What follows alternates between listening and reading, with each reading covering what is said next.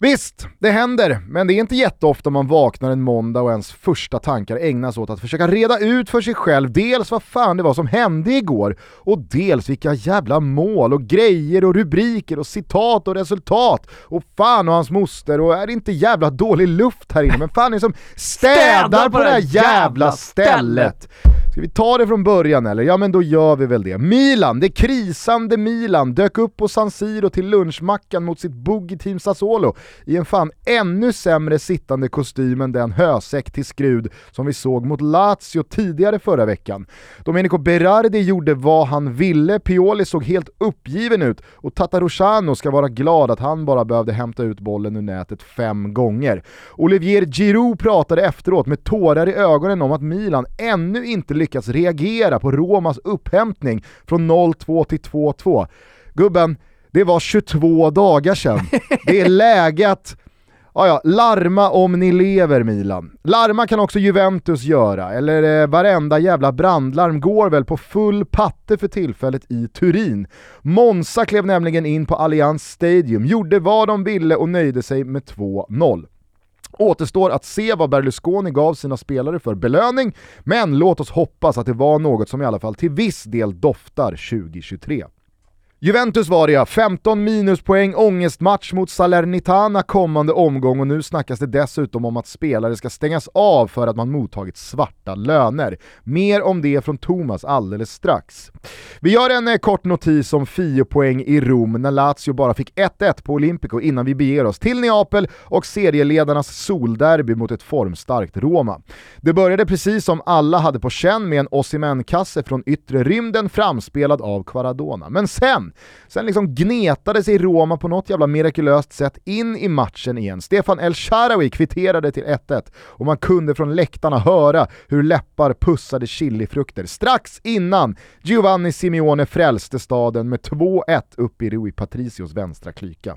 Åttonde raka hemmasegern, 13 poäng ner till Inter nu på andra platsen som efter seger mot Cremonese taktar mot Champions League i stilla ro. Och ja, skulle Napoli bränna nu så kan Leicesters 5000 gånger fläsket från säsongen 15-16 gå och bada. Det är över, det kommer inte ske.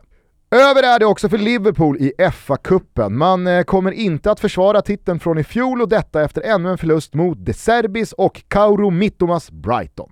Även Arsenal är utslagna efter torsk mot Manchester City i deras första möte för säsongen. Mikel Arteta hade roterat lite mer än Pep Guardiola och jag tycker att matchen snarare andades ligatitelfokus om de rödvita från norra London än någonting annat. Vi noterar att Heung-Min Son gjorde två efterlängtade mål och att nyförvärvet Arnaud Danjuma fick en smakstart när även han målade i Tottenhams avancemang mot Preston. Och Casemiro var tillbaka på Manchester Uniteds mittfält som stor segerorganisatör när de städade av Reading. Och en sorglig skugga av Andy Carroll föll tung och mörk över Old Traffords gräsmatta när den gamla anfallaren som en gång spåddes bli engelsk fotbolls framtid visades ut efter en sista hjärndöd tackling. Lägg av nu Andy, försvinn! I Bundesliga misslyckades återigen Bayern München med att vinna 1-1 hemma mot Eintracht Frankfurt och jag förstår absolut ingenting. Har vi helt plötsligt en titelstrid här eller vad fan är det frågan om? Union Berlin, Leipzig och Borussia Dortmund går urstarkt och ja, vad fan vet jag, Nagelsmann är kanske en loser. Har vi ens ställt oss den frågan? Det enda positiva för dem är i alla fall att PSG, som vi redan noterat, går lika dåligt i Frankrike nu när det snart är dags för omstart och åttondelsfinal i Champions League. Jens Kajuste och hans Rem åkte till Paris och tog en pinne trots Mbappé, Messi och Neymar i startelvan. Och jag orkar faktiskt inte ens försöka sia om hur det där dubbelmötet med Bayern kommer att sluta. I Spanien så tog Celta Vigo och Sevilla välbehövliga segrar i bottenstriden. Kyle Larin, ni vet kanadicken från Club Brygge, han hoppade in för Real Valladolid och skickade eventuellt Gennaro Gattuso till savannen. Och Atletico Madrid tog lite sådär low-key en tung borta seger mot erkänt svårspelade Osasuna. Det är dock i den yttersta toppen som La Liga är riktigt intressant i år, i och med att Barcelona är tillbaka och bråkar om titeln titeln. och efter tredje raka 1-0-segern, den här gången borta mot Girona, var pressen på de regerande mästarna från Madrid när La Real Sociedad var på besök på Santiago Bernabéu. Real Madrid var bra, Vinicius Junior var ännu bättre, men det här jävla Real Sociedad med Alexander Isak long gone och Mikkel Merino och David Silva out, de är fan bra på riktigt. Det blir Champions League-spel i San Sebastian till hösten. Thomas, så är det bara. Kanske ska vi tillbaka till Bar Nestor. Mm.